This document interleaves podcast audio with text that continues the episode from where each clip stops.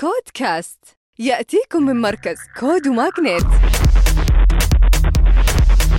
مع طارق الجاسر وحياكم الله في نشرتنا الأسبوعية. بيانات العمانية تغلق جولة استثمارية seed عن طريق 500 VC مينا وعمان تل والجبر مينا وآخرين. وراح توظف المنصة اللي تأسست عام 2022 الاستثمار في تطوير منتجاتها وتقنياتها ودعم مساعيها لدخول السوق السعودي.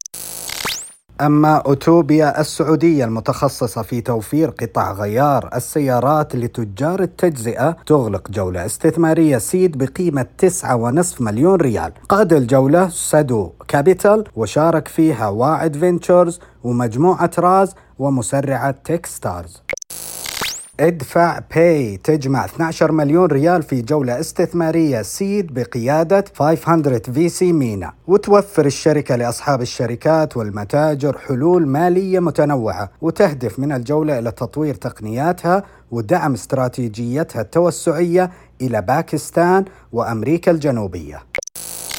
وفي التمكين ستاندرد تشارترد وفلك للأعمال والاستثمار. تعلنان تخريج الدفعة الأولى من برنامج المرأة والتقنية. استمر البرنامج ثمان أسابيع بمشاركة ثمان شركات ناشئة في المملكة وتكلل بحصول ثلاث شركات منها على جوائز مالية باليوم الختامي. أما دراهم تحصل على تصريح تجربة التقنية المالية لتقديم خدمة المستشار الآلي. وتركز الشركة على توفير حلول المصرفية المفتوحة وتستعد مع التصريح الجديد إلى تقديم خدمة الاستثمار.